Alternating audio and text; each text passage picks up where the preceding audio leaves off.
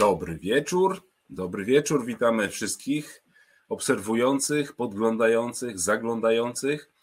Przede wszystkim tych, którzy chcą się czegoś dowiedzieć, czegoś ciekawego. A dzisiaj w spotkaniu na MESie porozmawiamy o e, projektach, o projektach dla marynarki wojennej, o takim jednym, którym, o którym za chwileczkę będzie dosyć głośno i gorąco. E, będzie to e, projekt Miecznik. No ale zanim o nim opowiemy cokolwiek z moimi gośćmi, no to chciałem przypomnieć o tym, że mm, nadajemy na Facebooku przede wszystkim. I tutaj e, za każdego lajka, za każdego kciuka wzniesionego do góry bardzo dziękujemy. Staramy się to robić pro publico bono, w związku z tym nie żałujcie tych kliknięć, bo zawsze to jakoś e, pomaga i wspiera nas, przynajmniej duchowo. Nadajemy również na kanale na YouTubie. E, kanał Spotkania na Mesie no już y, ma trochę tam odsłonięć, oglądnięć, zawsze to można sobie łatwiej i chyba w lepszej jakości obejrzeć to, co tutaj tworzymy ze współtworzącymi program. E, zaglądajcie tam. Również prosimy tam o pozostawianie komentarzy, jeśli Wam się coś podobało bądź nie podobało. Opowiedzcie, no, będzie to dla nas jakiś, yy, jakaś wierna informacja, żebyśmy my mogli później z tego korzystać, a dzięki temu wy będziecie mieli również, dzięki komentarzom zostawionym pod yy, filmem, jakieś pozytywne informacje. No cóż, dzisiaj, jak już wspominałem, będziemy się rozprawiać z tematem dotyczącym projektu Miecznik. Póki temat y, jeszcze nie zahaczony, to pozwolę sobie y, przywitać tutaj paru gości, których jeszcze y, podczas mojego expose pominąłem. Witam serdecznie ludzi z kraju i z zagranicy, bo widzę, że tutaj cały czas silnie nas wspierają. Osoby z Facebooka, ale i z YouTube'a. W związku z tym cieszę się, że na obydwu kanałach jest to widoczne i mam nadzieję, że słychać. E, w jakiś sposób i w miarę, w miarę e, e, dochodzi do Was ten dźwięk. Pozdrawiam panów i panie, bo są również z nami panie. A jeśli ich teraz nie ma, to wiem o tym, że sporo osób płci pięknej ogląda nas również na późniejszych seansach według własnego już uznania, kiedy jest możliwość, kiedy pasuje. E, bardzo się cieszę, bo to daje tylko poczucie tego, że jesteśmy potrzebni i wartościowi. I pamiętajcie, jest to program edukacyjny. E, służy on temu, aby e, pokazać Wam, że jest jakaś sprawa, a ją później rozszerzyć można poza programem, jeśli Was to tak naprawdę interesuje. O wielu sprawach nie wiemy, o niektórych się dowiadujemy w czasie programu, a później możemy ten temat również jeszcze pociągnąć. Dobrze, to tyle z e, powitaniami, e, z komentarzy, a teraz pozwólcie, że przywitam e, moich gości. Zapraszam serdecznie. Witam panów. Jest z nami pan doktor Michał Piekarski z Uniwersytetu Wrocławskiego. Dzień dobry, panie doktorze. Dobry wieczór. Dobry wieczór wszystkim. I jest z nami Dawid Napisał tutaj Dawid, e, ale wiemy, że tak, jest to Dawid Kamizela, dziennikarz, tak? tak? Anonimowo nie musi być. Tak. E, no i niech tak zostanie, ale e, zanim rozpoczniemy w ogóle temat, to prosiłbym o krótkie przedstawienie się. No, ponieważ jest z nami pan doktor, to pan doktor poproszę pierwszy. No więc tak, pracuję na Uniwersytecie Wrocławskim na Wydziale Nauk Społecznych w Instytucie Studiów Międzynarodowych gdzie zajmuje się badaniem nad bezpieczeństwem, w tym nad bezpieczeństwem morskim państwa, co może chodzić dziwić, zważywszy, że to jest Wrocław, a więc daleki od morza, ale jest to jeden z ciekawszych y, tematów badań i bardziej aktualnych y, i dosyć regularnie pojawia się i w, i w badaniach, i w dydaktyce. Cieszę się, że będę mógł dzisiaj chwilę powiedzieć o tym, po co nam miecznik no z tej perspektywy szerszej. Mhm. Dawid? Tak. Tutaj będzie krócej. To nowa technika wojskowa frag out, może statki, okręty, lotnictwo. E, jak to zawsze zabawnie, ja tylko łączę kropki, także słucham mądrzejszych i czasami staram się podać dalej, więc ja myślę, że zawsze, zawsze to, co usłyszę i staram się, żeby to jeszcze trochę wzmocnić. Tyle, nic więcej. Cóż za skromność, prawda, panie doktorze?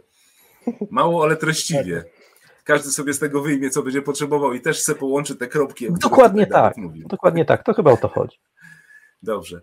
E, panowie, mm, e, temat. No dzisiaj taki mm, temat, po co, po co Polsce? Bo chciałem zaznaczyć ten, e, ten jakby ważny wątek. Tak? To nie jest coś, to nie jest projekt przeznaczony li tylko i wyłącznie dla marynarki wojennej, potrzebny marynarzom, ale jest to projekt dla Polski. Projekt Miecznik, o którym tutaj mm, na początku wspominaliśmy. I chciałem się Was spytać e, i porozmawiać też, e, jak możemy osiągnąć tak naprawdę e, ten cel wspólnie, bo nie chodzi tylko i wyłącznie o to, żeby marynarze się zadowolili nagle nową rzeczą, tylko żeby też całe społeczeństwo tak naprawdę zrozumiało, że jest to coś, z czego nam brakuje w naszym systemie tak naprawdę.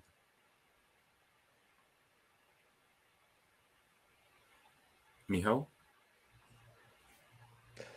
No cóż, no y, jak najbardziej, jeżeli chodzi o kwestię postrzegania miecznika, y, ja tylko mam takie pytanie, czy, czy mnie słychać? Słychać cię rewelacyjnie. Tak, tak. O, świetnie. Y, po prostu mam nowe słuchawki po prostu i po prostu cały czas się boję, że, że coś nie działa. Mhm. I to też pewnie się pojawi.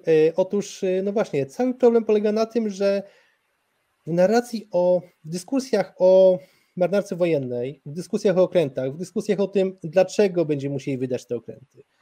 I dlaczego aż tyle, bo tutaj będą padać e, sumy, które wydają się duże. E, często problem jest zawierzany tylko do tego, że marynarze coś chcą, że to będą tylko okręty, tylko problem zawierzany jest tylko do jednego rodzaju sił zbrojnych i tylko do sił zbrojnych. Natomiast zapominamy o jednej rzeczy. E, siły zbrojne jako całość są tylko częścią tego szerszego systemu bezpieczeństwa państwa. Stąd też proszę zwrócić uwagę, że ta ustawa, która nas obowiązuje, w, to jest ustawa o powszechnym obowiązku obrony, e, nie, nie ustawa o siłach zbrojnych. E, I siłą rzeczy wszystkie programy morskie służą temu, o czym już tu wielokrotnie mówiono, e, a więc temu, aby państwo jako organizm, jako społeczeństwo, jako gospodarka funkcjonowały E, choćby dlatego, że jesteśmy uzależnieni od tego, czym było wielokrotnie mówione, od portów, będziemy uzależnieni coraz bardziej od energii, jaką albo transportujemy morzem, albo pozyskujemy z morza choćby przez morskie farmy wiatrowe. No i od, na tym będę chciał się dzisiaj skupić. Dobrze, czyli co, sugerujesz, że mam tu prezentację pokazać i ewentualnie możemy zacząć dyskusję na ten temat, tak? Myślę, że tak, ponieważ tutaj w tej prezentacji e, będę się skupiać na tym, dlaczego mieszcznik jest nam potrzebny z perspektywy całego państwa, które funkcjonuje w pewnym środowisku bezpieczeństwa.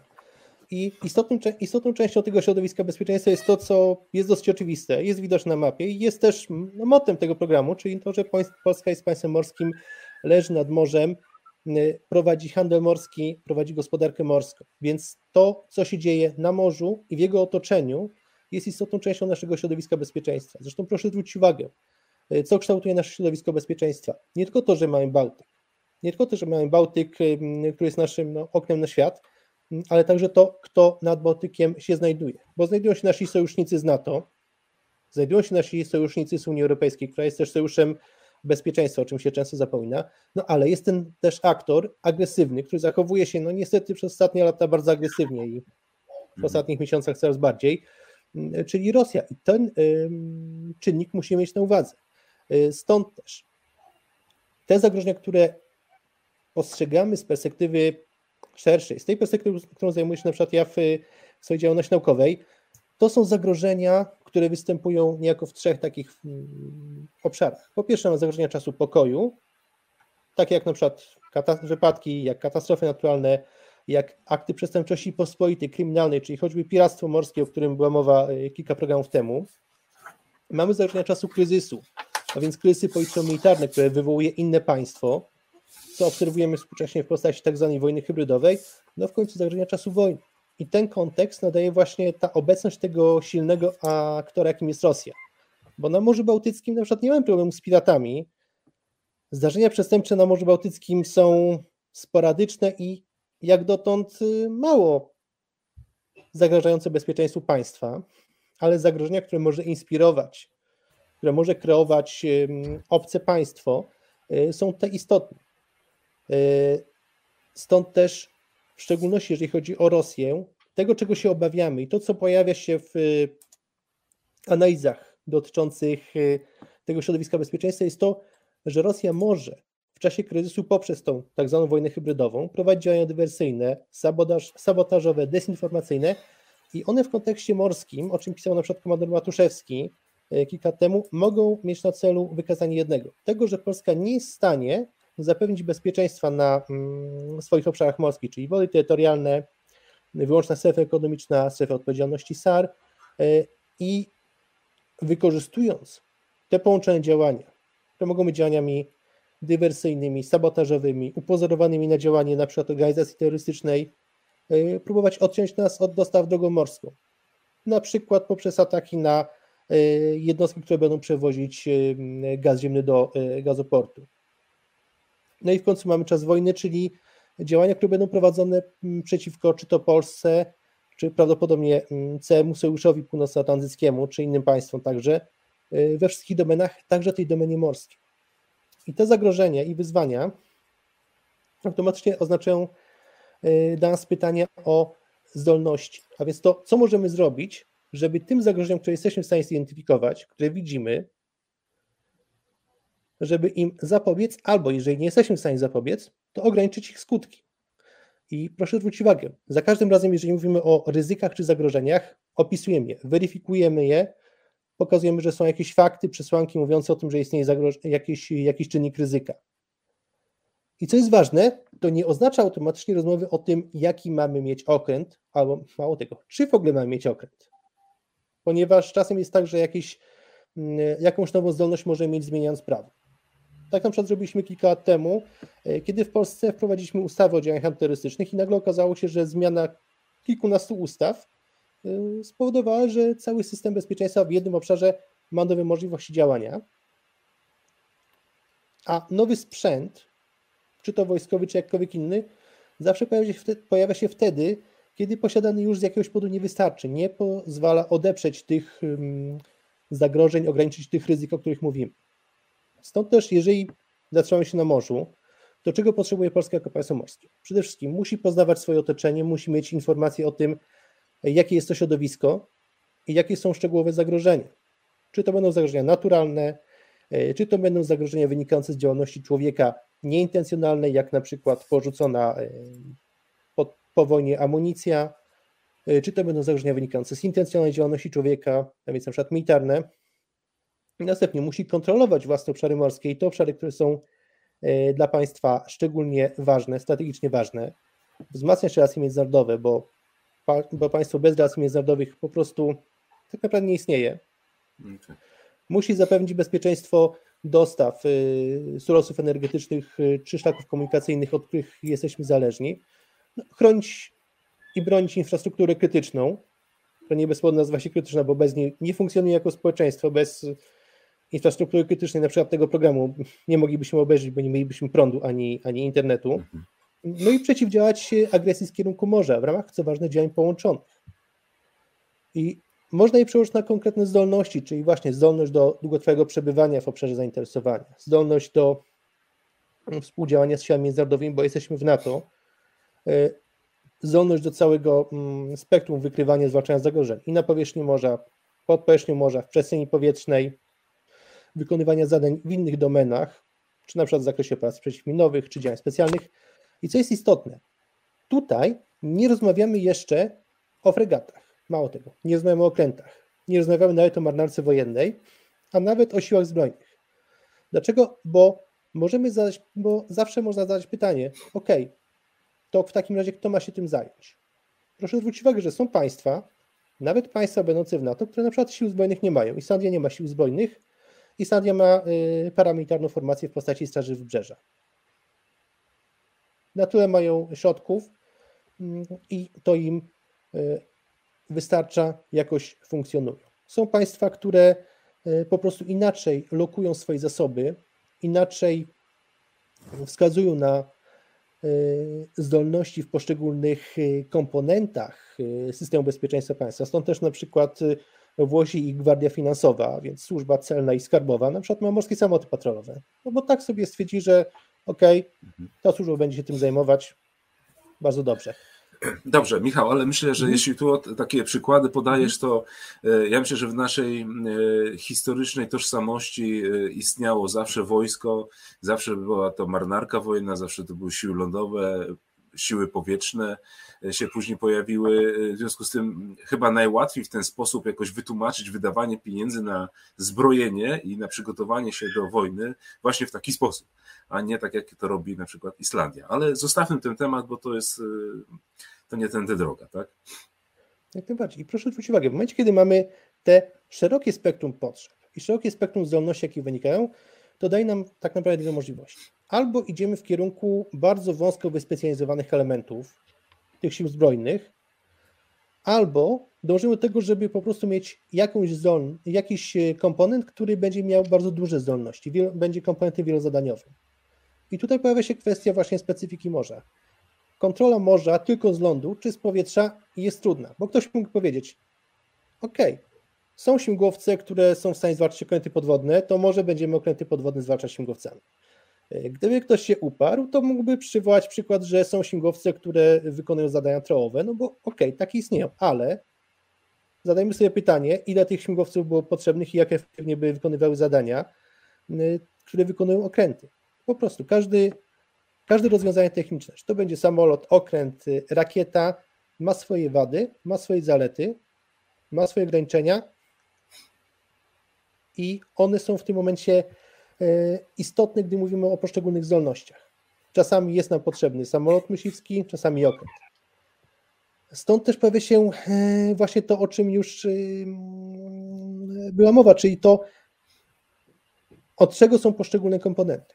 Gdy zatrzymamy się na takim przykładzie jak ochrona infrastruktury krytycznej, no proszę zwrócić uwagę, że oprócz tych y, mm, elementów ochrony y, własnej, czyli służb ochrony wewnętrznych, to porty, y, fermy wiatrowe, mm, instalacje na dnie morza, no będzie chronić Straż Graniczna, Morski Oddział Straży Granicznej, w jakimś zakresie od lądu policja, ale właśnie w czasie pokoju, bo policja nie będzie miała okrętu rakietowego.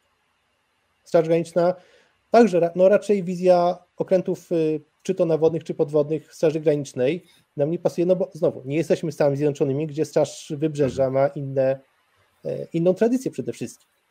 E, komponenty wojsk specjalnych e, są przewidziane do wykonywania innych zadań i w końcu mamy to, co widać na slajdzie. Mamy komponent taki jak morska jednostka rakietowa, która jest komponentem o bardzo wysokich zdolnościach, ale nie będzie chronić infrastruktury krytycznej przed y, na przykład dywersantami, bo ona będzie ją bronić dopiero w czasie wojny, jeżeli na przykład do naszego y, naszym y, na przykład platformom wiertniczym, czy instalacjom energetycznym, czy portom będzie zagrażać po prostu flota przeciwnika. W efekcie musielibyśmy mieć bardzo różne komponenty, bardzo wyspecjalizowane do wykonywania każdego z tych zadań i w czasie pokoju, i kryzysu w czasie wojny. I co ważne, wyspecjalizowane komponenty, i tutaj zacznę mówić o okrętach, no nie będą ani tanie, ani małe. Dawid pewnie doda też swoje, ale proszę zwrócić uwagę, współcześnie patrolowiec, taki, który będzie świetny do wykonywania zadań w czasie pokoju i ograniczonych w czasie kryzysu, to jest minimum 1000 wyporności. Bo potrzebuje systemów e, obserwacji technicznej, czyli radarów, sonarów, no tak. potrzebuje sterowności, przydałby się jakiś e, miejsce do lądowania dla śmigłowca, do łodzi, pazdów bezzałogowych, no i proszę zwrócić uwagę, y, Straż Graniczna w tej chwili ma dostać nowy okręt patrolowy, to jest 1000 ton wyporności. Szwedzkie mm, tutaj statki patrolowe, Straż Wybrzeża, to są jednostki, które mają 3800 ton. Znaczna część tych jednostek w tej chwili jest porównywalna wielkością i kosztem z okrętem bojowym z takim jak korweta y, czy wręcz lekka fregata. To samo mają okręty rakietowe. Bardzo wyspecjalizowany komponent, ale one wyraźnie przeszły ewolucję od tej pływającej wyrzutni rakiet, jaką, była, mm, jaką były osy, do czegoś, co jest coraz silniej uzbrojone, jak w formie Tarantu czy, czy innych jednostek, o których pewnie Dawid y, y, możecie jej wspomnieć. W efekcie możemy mieć najlepszy na świecie okręt patrolowy. Możemy sobie zbudować jednostkę, która będzie wyspecjalizowana w wsparciu wojsk specjalnych, bo dlaczego nie? najlepszy na świecie okręt tylko do zwalczania okrętów podwodnych, czy okręt obrony przeciwlotniczej, ale one będą przede wszystkim wyspecjalizowane w jednym zadaniu nie będą mogły się wzajemnie zastępować i ich podatność modernizacyjna będzie ograniczona. Proszę pamiętać, okręt będzie się kupować na kilkadziesiąt lat. I znowu wracamy do kwestii zagrożeń. Wyobraźmy sobie, że zbudowaliśmy sobie tę flotylę świetnych jednostek patrolowych. Na wzór szwedzki czy na wzór niemieckich jednostek Policji Federalnej. I okej, okay, one są świetne. Mamy sytuację, są na Bałtyku, ta jednostka sobie wychodzi na Bałtyk i co się dzieje? Jednostka nieuzbrojona jest podatna na coś, co nazywamy scenariuszem Pueblo. E, to był amerykański okręt rozpoznawczy, który symbolicznie uzbrojony wykonywał rejs e, rozpoznawczy w pobliżu wybrzeży e, Korei Północnej. Co zrobili Koreańczycy? Z północy po prostu go zajęli. Jednostki północno-koreańskiego mm, dogoniły, pod groźbą użycia broni zmusiły do zastopowania. Ta jednostka stawiała de facto bierny opór, bo tam przez długi czas próbowano na przykład niszczyć tajne dokumenty i urządzenia szyfrujące i urządzenia rozpoznawcze. I Koreańczykom jakoś nie przeszkadzało to, że atakują okręt, który do mocarstwa atomowego.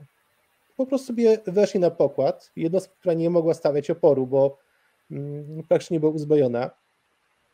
I do dzisiaj ten, to Pueblo sobie, y, ten okręt sobie stoi jako zdobycz wojenny, jako muzeum w północno-koreańskim porcie, a marynarzy bardzo długo, właśnie, marynarzy y, bardzo długo trzymano po prostu jako y, więźniów.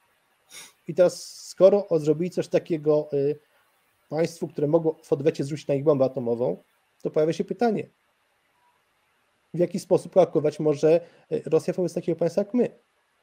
w momencie, kiedy nie będziemy mieli możliwości realnego odparcia takiego zagrożenia, a nawet jeżeli mm, nie odeprzemy go skutecznie, to jaki będzie dla Rosjan koszt zatrzymania jednostki, która jest nieuzbrojona?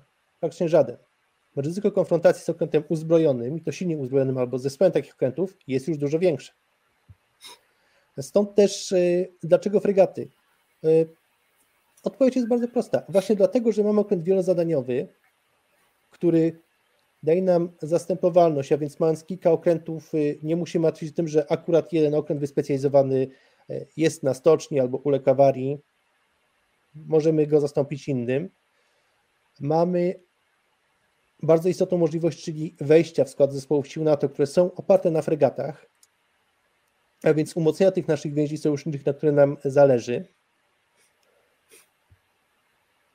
mamy całe spektrum zdolności, o których jeszcze pewnie będziemy mówić, zwłaszcza myślę, Dawid pewnie powie, mhm. bo fregata to jest okręt zdolny do walki z całami powietrznymi, nawodnymi, podwodnymi. E, co ważne, fregata to jest platforma dla urządzeń rozpoznawczych i platforma dla wsparcia e, sił specjalnych. I okej, okay, fregata nie da nam wszystkiego. To nie jest tak, że kupimy sobie miecznika, e, czy te trzy mieczniki i będziemy po prostu nagle panami Bałtyku i będziemy niezwyciężeni jak Robocop ale pojawia się kwestia relacji koszt-efekt, ponieważ według zapowiedzi na program mieczków ma zostać wydanych 8 miliardów złotych, takie są zapowiedzi oficjalne. Niech to będzie nawet 10. Załóżmy na chwilę, że to przekroczenie kosztów to będzie trochę większe, to będzie 12 miliardów złotych. No, w liczbach bezwzględnych to brzmi szokująco dużo. Ale kupujemy okręty które będą nam znaczy, służyć co najmniej 25 lat. Jeśli mogę Ci, Michał, przerwać. No, y, ostatnio jakoś się przyzwyczajam do tych cyfr, także y, i to nie tylko na wydatki te zbrojeniowe nasze, tak? Także z całym szacunkiem to dużo, ale okej. Okay. Przyjmuję, że to jest faktycznie dla normalnego człowieka dużo. Dokładnie. Ja zawsze się boję po prostu, jak jestem na. Y, y, mam, jestem blisko jakiegokolwiek sprzętu wojskowego, nawet jak to jest karabin, to za każdym razem się boję, że popsuję. I boję się, że będę musiał zapłacić. Że popsujesz to pół biedy, ale że będziesz musiał zapłacić, nie? No właśnie. To jest ten problem. E, tak. E, więc kupujemy coś, co będzie nam służyło 25 lat, 35, może nawet dłużej. Proszę zwrócić uwagę. Na czołgi typu Abrams dla wojsk lądowych wydamy trzy razy tyle. Mało tego. Cały budżet na y, program modernizacji technicznej na najbliższe 13 lat, bo to jest program zaczęty dwa lata temu, to jest 524 miliardy złotych, czyli 133 miliardy dolarów. I nie trudno policzyć, że to jest niewielki procent tego, co zostanie wydane na obronność. I teraz pojawia się Kolejna kwestia kosztu. Otóż mamy takie pojęcie w ekonomii jak koszt alternatywny, czyli y, koszt tego, co będzie koszt, co, ile będzie kosztowało to, jeżeli czegoś nie zrobię. A więc jeżeli nie kupimy tych okrętów, co to będzie dla nas oznaczało? W obecnej sytuacji, no myślę, że mogę to jako chyba powiedzieć dość stanowczo, ale po prostu e, bez nowych okrętów nawodne siły bojowe po prostu siłą rzeczy przestaną e, funkcjonować, o czym zresztą mówili otwarcie mm, oficerowie marynarki wojennej na Komisji Obrony Narodowej e, kilka miesięcy temu. Po prostu dotychczasowe okręty się starzeją, ich systemy się starzeją i do tej pory skutek jest taki, że to, co nam udało się zmodelizować, to są siły przeciwminowe, no i holowniki. I nie jest to zarzut pod czyimkolwiek adresem, jeżeli chodzi o wojsko czy siły zbrojne. Po prostu tak się złożyło, że programy modernizacji sił nawodnych no, miały jakiegoś pecha. Kaszub miał być początkiem długiej serii y, y, korwet. No, skończyło się na prototypie. Epopeja Gawrona no, jest dobrze znana i potem mieliśmy kolejną odsłonę w postaci pierwszego miecznika, czyli okrętu obrony wybrzeża. Proszę zwrócić uwagę, nawet sama nazwa musiała być tak wybrana, żeby żeby po prostu jakoś politycznie to przeszło, niestety. Mhm. E, Michał, przepraszam, że ci przerwę sprawę... jeszcze, bo e, tak. nawiązując do twojego poprzedniego slajdu, gdzie wykazałeś te 8 mhm. miliardów e, na, na samego miecznika, tak? I 535 miliardów na te lata do 2035. Pamiętajmy o tym, że to te 8 miliardów to jest akurat na samego miecznika, tak? Natomiast chciałbym przypomnieć jeszcze, że są inne projekty. Jest Supply, jest Ratownik, jest ta Orka nieszczęsna, tak? która no, też nie ma pecha po prostu i jakby to też jest gdzieś tam wplecione w to wszystko, ale no, suma summarum to, to nie są to jakby wielkie koszty. Jak najbardziej. Po prostu paradoksalnie, znowu, pojawia się kwestia kosztu alternatywnego, bo ten problem nie byłby tak dotkliwy, gdyby na przykład 10 y, czy 20 lat temu podjęto trochę inne decyzje, przede wszystkim jeżeli chodzi właśnie o finansowanie.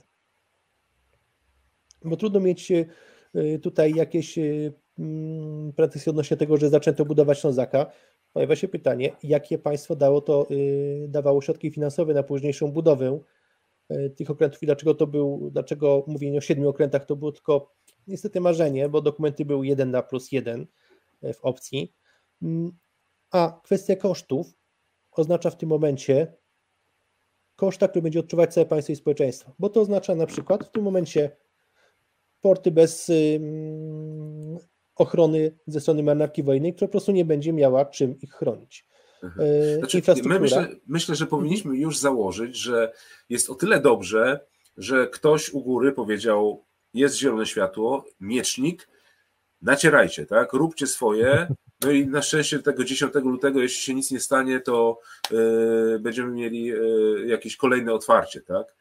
Yy, tu y, już myślę, że nie ma co gdybać, czy, y, czy tak, czy siak się stało. Jest, jest jak jest. Tak? No już y, znajdźmy się teraz tu i teraz i zobaczmy, co z tym możemy zrobić.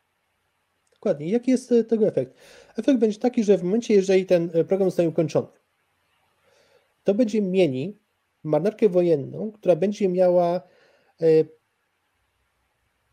podstawowe zdolności do wykonywania e, zadań wynikających z tych wyzwań, jakie stawia przed nami i będzie stawiać środowisko bezpieczeństwa. Czyli będziemy w stanie zwalczać, e, wykrywać i zwalczać okręty podwodne. Będziemy w stanie e, wykrywać i mm, zwalczać cele powietrzne. I znowu cofnę się może trochę do tej pierwszej mapki, mhm. ponieważ to oznacza, że w tym momencie, nie wiem, czy da się ją powiększyć? Już, proszę bardzo. Mówisz i masz. O, dziękuję bardzo. To oznacza w tym momencie, że tak, ten komponent, który mamy ulokowany w tym momencie na lądzie, który mamy w postaci morskiej jednostki rakietowej, y, który mamy w postaci lądowych sił obrony przeciwlotniczej, które wzmocni za jakiś czas program Wisła czy Narew, to oznacza tak naprawdę, że ta nasza strefa obrony naszego, terytor naszego terytorium i naszych interesów będzie mogła przesunąć się po prostu dalej to znaczy, że możemy wcześniej wykryć zagrożenia, czy to z, morzu, czy to z morza, czy to spod powierzchni wody, y, czy to z powietrza i będziemy mogli na nie szybciej zareagować. Proszę zwrócić uwagę, że w tej chwili znowu nie jest powiedziane, jakiego typu na przykład rakiety trafią na miecznika, ale jeżeli to będą rakiety na przykład takie jak SM-2, które mają zasięg 160 km, to oznacza, że to pojęcie, którego no, nie lubię, ale jest popularny, czyli ten bomber antydostępowy. Czyli ta strefa, w której przeciwnik będzie musiał uwzględnić, że patrzcie, tutaj nie ma próżni,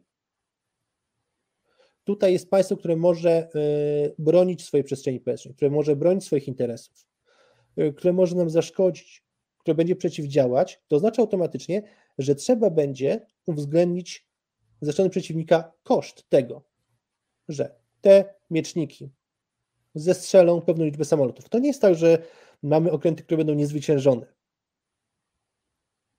ale podczas, y, ale druga strona będzie musiała uwzględnić to, ile środków, takich jak samoloty, jak pociski rakietowe, e, będzie y, mogła utracić podczas y, hipotetycznej bitwy morskiej o Bałtyk. Jeżeli to będą okręty, które będą zdolne do współpracy z siłami natowskimi, to proszę zwrócić uwagę, co się dzieje teraz.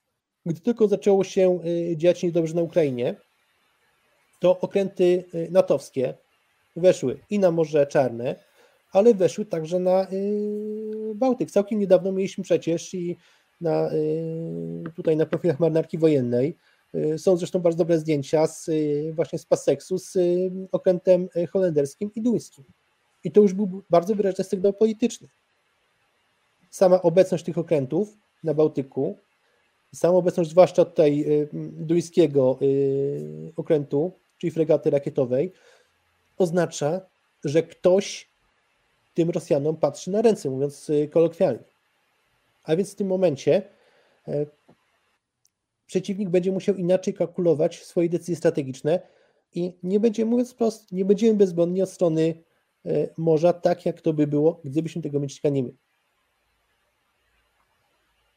No właśnie. I teraz powstaje pytanie. Dawid, czy ten miecznik, którego y, staramy się jakby zbudować, skonstruować, jakoś go skompletować, czy będzie spełniał Michała wymagania w stosunku do tego, aby to środowisko było dla nas bezpieczne? To już zależy, ile, ile tak naprawdę wydamy pieniędzy, ile chcemy wydać pieniędzy, ile mamy, bo to jest, e, to jest ten jedno z dwóch zagrożeń, które moim zdaniem są największe w kontekście miecznika, czyli my już w tym momencie, program jeszcze się, ok, on już, już jest trochę rozpędzony, ale na początku my już w zasadzie wszyscy i przemysł, i jakby strona polityczna, i, i marynarze, wszyscy mówią, że te 8 miliardów to jest kwota, która jest abstrakcyjna i ona zupełnie się nie zgadza z naszymi wyobrażeniami i, i, i chęciami i potrzebami, tak? I ok, programy modernizacyjne, wyposażenie wojskowe, sprzęt, one kosztują zawsze krocie i zwykle są opóźnione, niezależnie czy to są Stany Zjednoczone, Rosja czy inny kraj. Mhm. Ale jednak to, że już na tym momencie mówimy, że te 8 miliardów to jest jakaś, jakaś dziwny, dziwny początek, taki trochę, trochę jest nie tak. Y, ja się cały czas spotykam z takimi ocenami, że to 10 miliardów to jest tak lekko licząc. Jeszcze przy założeniu, że y, znaczna część uzbrojenia, uzbrojenia rakietowego byłaby kupowana spoza tej kwoty stopniowo, co sam proces kupowania na przykład pocisków rakietowych, niech będzie przeciwlotniczych, które licząc dla trzech okrętów to byłoby kilkaset pocisków, tak, 200-300, byłby rozłożony na 3-4 etapy, jest całkiem naturalny. Te pociski mają określony czas życia, określony czas, po którym tak, należy je oddać producentowi, żeby on sobie zrobił przegląd, więc rozłożyć to na 15 lat, ok. Natomiast w momencie, w którym my nie przewidujemy na ten moment w ogóle, żeby w tej kwocie było to ujęte i planujemy, że to będzie kupowane w kolejnych latach, niesie pewne zagrożenia, yy, niesie pewne wątpliwości z tym związane.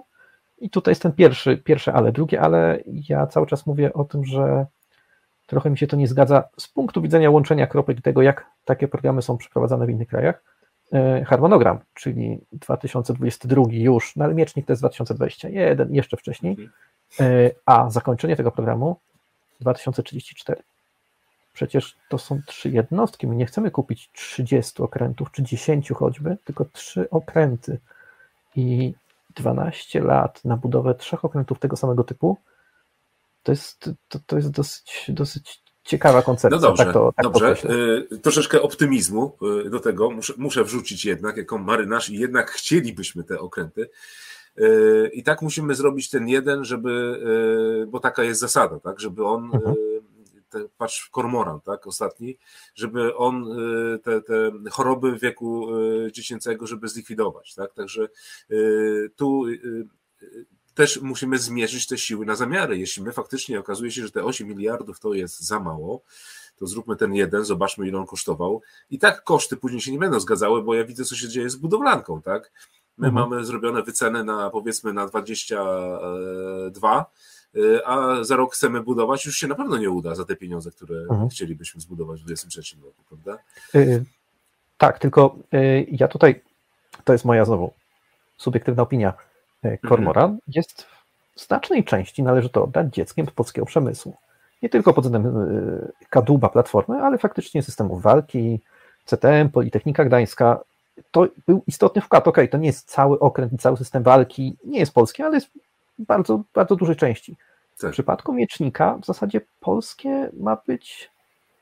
Co być polskie? Nazwa. No właśnie, a to tak. Dawid, opowiedz nam, co tam, co Dlatego, tam w ogóle ma być. Może dobra, tak będzie już, już, już. Okej. Okay lećmy w ten sposób. E, tak, szukamy trzech Bo chciałbym, żeby mhm. E, oglądający ten program e, się wyedukowali, o czym okay. my tak naprawdę mówimy. Dobra, Ile, jak, jak to jest skomplikowana struktura, która nam, nam ma później zapewnić to bezpieczeństwo.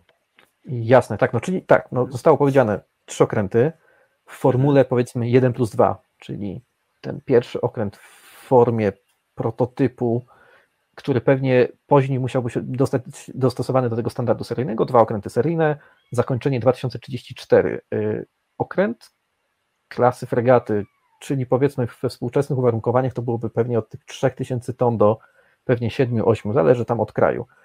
Te wszystkie trzy oferty, czyli oferta niemiecka, oferta hiszpańska i brytyjska, one wszystkie oscylują wokół 6000 ton wyporności. 5700, tego typu wielkości. Oczywiście na podstawie bazowych projektów, tylko że mamy swoje wymagania, więc to może się trochę różnić, bo to, jakie my tam pewne komponenty wsadzimy, może ten okręt trochę dociążyć albo odchudzić, w mhm. zależności od. Y, jak to wygląda? Fergata mamy bardzo duży problem, bo bardziej wyciągamy wnioski i obserwacje, jak ma wyglądać ten okręt na podstawie tego, co mówią nam oferenci, niż to, co mówi MON, więc trochę poruszamy się nie w tym kierunku, co trzeba. Czyli to, co się udało na przykład mi dowiedzieć od Hiszpanów, albo od Niemców, albo od Brytyjczyków, ja próbuję dopasować potem do, do programu Miecznik. W zasadzie mhm. z punktu widzenia MONU musimy bazować na jakichś deklaracjach na przykład ministra obrony, który mówi, że mają być to okręty przeciwlotnicze. Tylko to jest tak szeroka definicja, że możemy mówić o jednostce, która tylko z nazwy będzie przeciwlotnicza i będzie miała problem z obroną samej siebie, po, i to wnioskujemy po tym, co jest nam oferowane przez Hiszpanów, czyli fregaty typu F-100, które są w zasadzie jednymi z najpotężniejszych okrętów przeciwlotniczych w Europie, po okręty bardzo nowoczesne, a jednocześnie bardzo drogie. I teraz gdzie my jesteśmy? Nikt, no Wojtek, Wojtek Budziło to nawiązał do, do sprawy mhm. tej, e, o której ja mówiłem, do Kormorana, tak, i że był faktycznie to projekt. Natomiast mhm. E, Miecznik byłby już czymś, co tak naprawdę istnieje. Nam też by zależało chyba, tak mi się wydaje, nie wiem, nie znam się, to może mhm. wy przekażecie tak. taką informację, żeby to było już coś wpływa, co, coś, co, co działa, e, tak? Tak i nie, czyli y, mówimy o platformie, kadłubie, siłowni, systemach ogólnokrętowych, które już istnieją, Czyli w przypadku tych trzech okrętów, w przypadku hiszpańskiej oferty sprawa jest najprostsza. Bo podstawą jest regata typu F100, pięć tego typu jednostek służy w Armada Espaniola. Po prostu wsadzamy pewne, pewne, pewne zmiany w kontekście uzbrojenia, wyposażenia, ale mamy platformę. W przypadku Brytyjczyków mowa o projekcie Arrowhead 140, który w metalu y, ma postać y, duńskich fregat typu Iverhuifeld. One są o wiele bardziej zaawansowany. Arrowhead 140 jest taką odchudzoną wersją, tak, projektem. W przypadku Niemców problem jest największy, bo niemiecka oferta to, jest, to są okręty typu Meko A300, które, e, których nie ma. Ja tu się być może narażę, y, ale są Meko A200, które odniosły bardzo duży sukces eksportowy. Natomiast Mega 300 jest nowym projektem i nie możemy wskazać palcem okrętu, który stoi tutaj sobie w basenie portowym, bo ich jeszcze nie ma. Więc to jest ta trzecia platforma, jest ewolucją Meka 200. Ok, to jest kwestia platform. Natomiast druga sprawa, no to oczywiście wyposażenie i uzbrojenie. I tutaj my poszliśmy taką ciekawą drogą, że chcemy osobno wybrać platformę, jedną z trzech, bo w tej chwili w tym konkursie są właśnie te trzy oferty i osobno system walki, czyli no, cały CMS, plus uzbrojenie, plus sensory, zamknąć to w jednym opakowaniu zintegrowanym i wsadzić na tą platformę. E, I tutaj mamy a to spytam się ciebie, tak. przepraszam, bo mi się tak pytanie się pojawiło, czy ci, którzy nam zaproponowali, y, to oni się na to zgadzają? Żeby tak było? Że będzie yy, najwyraźniej od kogoś innego? Najwyraźniej. Tak, yy, tak co, co jest ciekawe, yy, tutaj oferenci też są w dosyć ciekawej sytuacji, bo tu mamy trzy jakby kadłuby, kadłub to trochę uproszczenie, ale niech będzie, platformy, mhm. a w przypadku tych zintegrowanego systemu walki, co jest trochę mylne, bo to nie chodzi tylko o Y, konsole, serwery, ale też uzbrojenie i sensory. Y, mamy ofertę Thalesa, czyli holenderską, mamy w grze Saba, y, mamy w grze jedną firmę spoza Europy, tak to powiem, i mamy Hiszpanów. Aha, jeszcze mamy Włochów. Pewne komponenty są, więc jedynym oferentem, który oferuje platformę plus system walki, są Hiszpanie. Bo de facto to jest, to jest mhm. Navantia, Navantia ma wszystkie klocki, które są potrzebne, i platformę, i system walki. Natomiast w kontekście innych oferentów, tu zaczynają się pewne kombinacje, bo na przykład w przypadku Arrowheada, brytyjskiej oferty, oni są mocno związani z holenderskim Thalesem. To jest coś, co jest przez nich preferowane. Oni tego nie powiedzą tak oficjalnie, bo jak każdy producent oferentu uzbrojenia powie, że on to zrobi z każdym, nie ma żadnego problemu. Chcecie ten klocek, my go sadzimy, chcecie tamten, my go też sadzimy. No, kwestia, że potem oczywiście wystawi też rachunek. Więc, więc tu jest ten problem. Więc oferta brytyjska jest związana z Holendrami. Y, oferta niemiecka, tutaj najbardziej, największe spekulacje się pojawiają, ponieważ tego okrętu jeszcze nie ma w metalu de facto i możemy tylko spekulować. Ja spekuluję, że to jest, to jest najbardziej powiedzmy kierunek związany ze Szwedami, z tym krajem spoza Europy i, i jeszcze z pewnymi kierunkami. E, natomiast każdy z tych oferentów, najciekawsze są Hiszpanie, którzy przecież mogli, powinni powiedzieć, że my mamy wszystko, my nie będziemy się bawić w jakieś inne tutaj zabawy, bo my wam oferujemy kompletny okręt, ale oni również zapewniają, że tak, jeżeli jest taki, taka potrzeba, to nasz kadłub, nasza platforma jest, zostanie zintegrowana ze szwedzkim nadzieniem, tak, czy holenderskim, mm -hmm. czy jakimkolwiek mhm. innym. Taka jest teoria i takie są oficjalne stanowiska no, wszystkich firm. Wiesz, należy się cieszyć, że są tak elastyczni, tak? E, póki co. Póki co Elastyczność wymaga, wydaje mi się, dużo pieniędzy.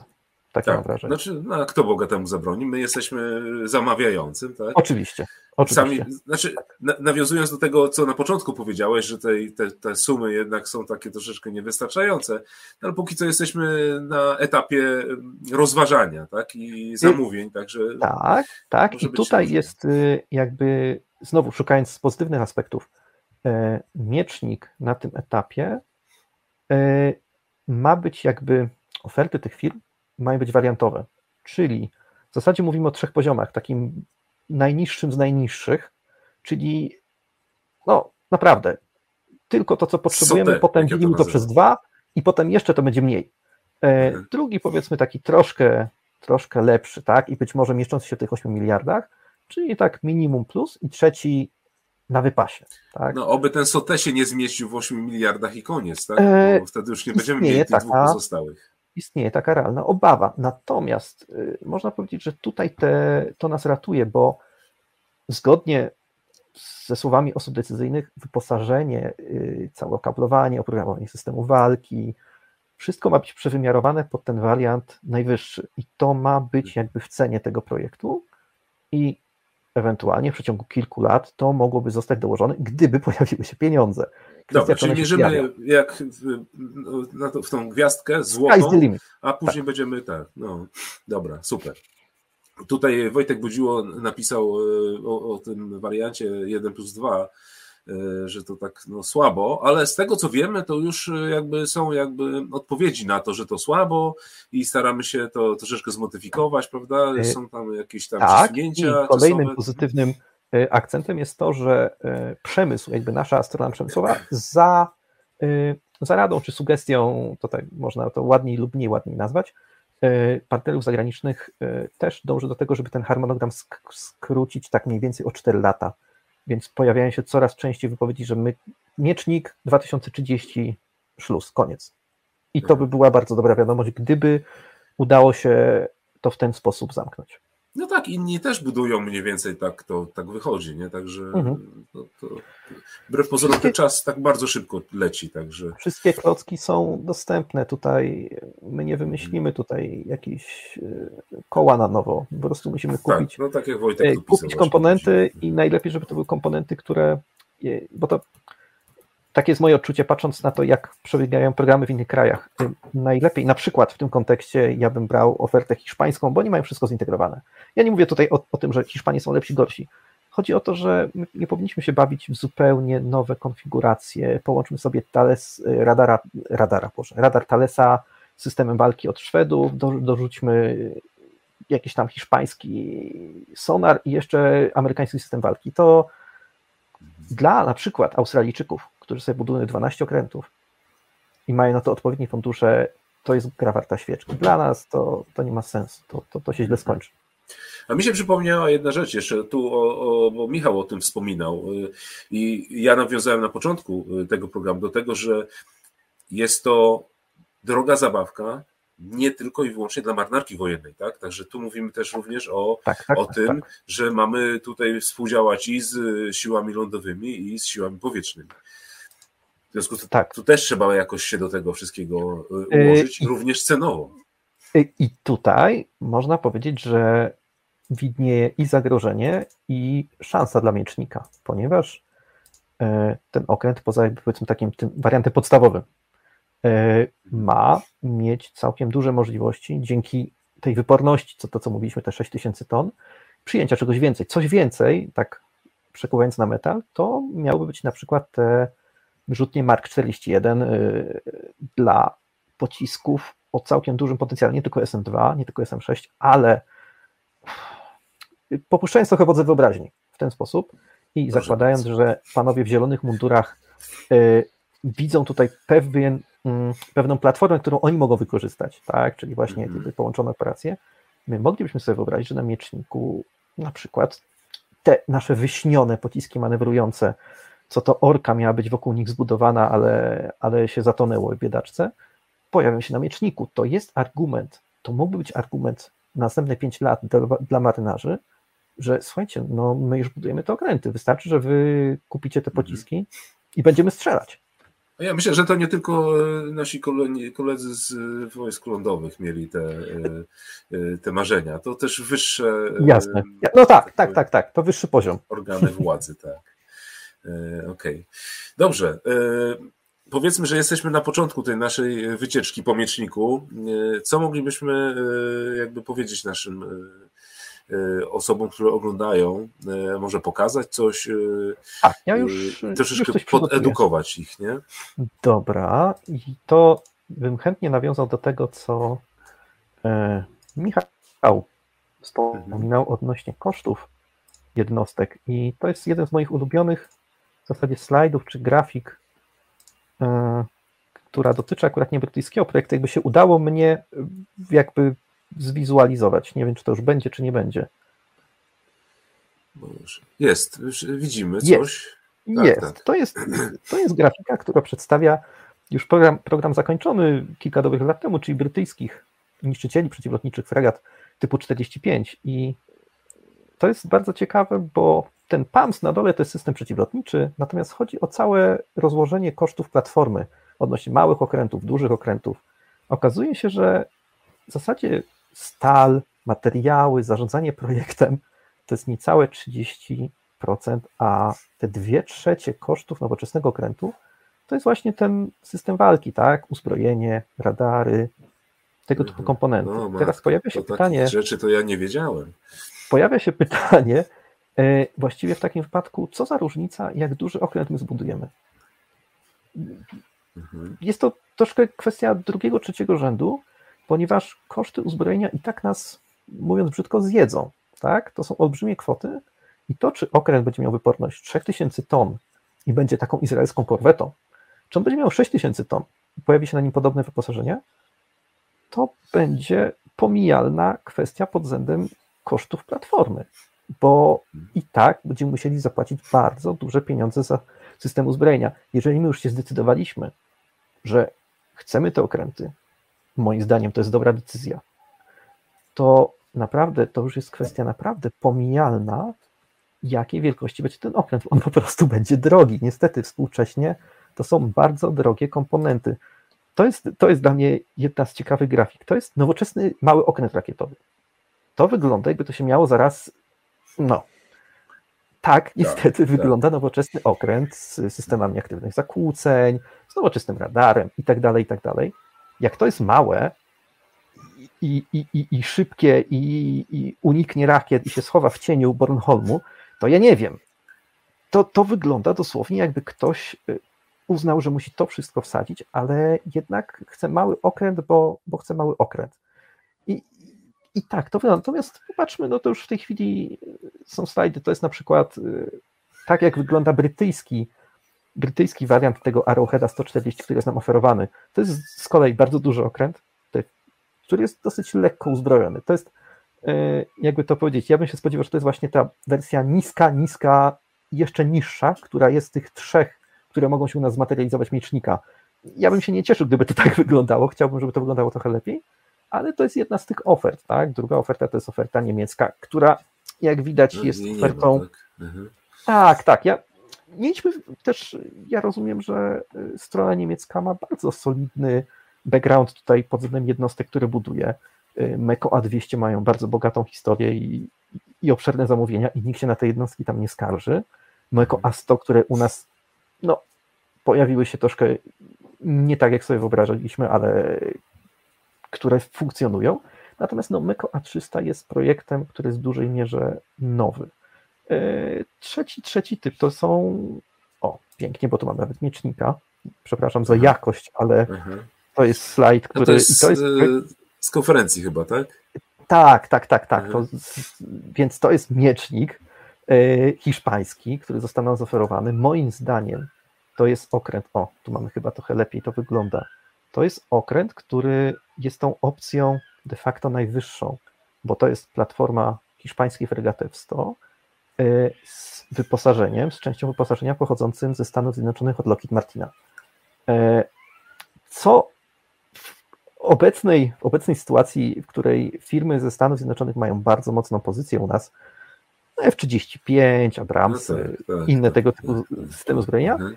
stawia Hiszpanów ciekawej pozycji. Tak? Oni na pewno nie są faworytami, natomiast mhm. mają bardzo, bardzo silnego sojusznika, tak, tak bym to ujął. No ciekaw e... jestem, co tego dziesiątego, jak, co, co tu się stanie no, no, w aspekcie co tego, co stanie, mówisz teraz. Tak? No. E... tak, no to już są kwestie, kwestie techniczne, e... natomiast moim zdaniem, na przykład pod względem czysto, o, co ja tu zrobiłem? Okej, okay. teraz to jakoś... No, z multi... Się... Zwiększyłeś naszą ilość, po, tak. Po, to może ja na chwilkę wyrzucę. Okay. E, tak, a tu sobie e, Dobra. spokojnie ogarniesz. Ja przy tak. okazji spojrzę tutaj też w komentarze, bo tu się troszeczkę e, chłopaki rozpisują i dziewczyny zresztą. Tu Wojtka już budziło, komentowałem, prezentowałem. No tak, tu niektórzy wskazują kierunki, niektórzy jako malkontenci uważają, że się nie uda. Takich też Absolutnie pozdrawiamy. Tak, tak. Znaczy, powiem tak, no wiadomo, że jeśli to ktoś stara się zrealizować swoje marzenia, to chciałby, żeby to było najfajniejsze, najładniejsze, najnowsze, tak? No nie wiadomo, że nie zawsze się uda. No ale róbmy przynajmniej wszystko na tym poziomie, na którym obecnie jesteśmy, aby y, ten, ten standard był y, zachowany taki mhm. właściwy. Wspominałeś, Dawid, przepraszam, że ci przerywam, ale mhm. wspominałeś o, o, o, swoich odwiedzinach w, w Hiszpanii, tak? tak? Mhm. Jeśli można powiedzieć, mógłbyś coś o tym opowiedzieć? Tak, ja w ogóle jeszcze taką dygresję, że mhm. Niestety sytuacja covidowa zatrzymała mnie, bo jeszcze dokładnie w tym momencie są, e, jest taka, taka tego typu odwiedziny w e, stoczniach niemieckich, natomiast niestety musiałem, musiałem zostać w domu, więc miałbym jeszcze szerszy obraz sytuacji, natomiast nie byłoby mnie tu dzisiaj, tak, tak, tak to ujmę. O, no to, no, to by była strata dla tego programu. No więc właśnie, więc y, tak, więc tutaj mamy stronę hiszpańską. Tak, Hiszpanie, przyznam, że ogólnie przedstawiając krajobraz tych trzech jakby ofert, jeszcze nie mówiąc może o, o tym, bo to chyba zostawię na koniec, o moich odczuciach odnośnie tego, kto jest faworytem, kto jest tutaj jakby czarnym koniem, a kto, kto jest trochę dalej, mhm. E, to um, oferta brytyjska i pozycja brytyjska jest jakby, obecność brytyjska jest bardzo długa. Ja mam wrażenie, że oni już kilka dobrych lat, od 2015-16 rok, starają się zaznaczyć, co mogą zaoferować, jaka jest ich oferta i jakie są ich mocne strony i tak dalej. Obecność niemiecka Ale jest, jest stabilna też mi się wydaje. Oni stabilna, cały czas tak, tak, tak, tak. Oni nie wyskakują bardzo ponad szereg, ale są cały czas Niemcy również. Przecież jednak obecność firmy TKMS można tutaj liczyć już kilkanaście lat, prawda? Y, natomiast Hiszpanie pojawili się mocno, mocno w ostatniej chwili.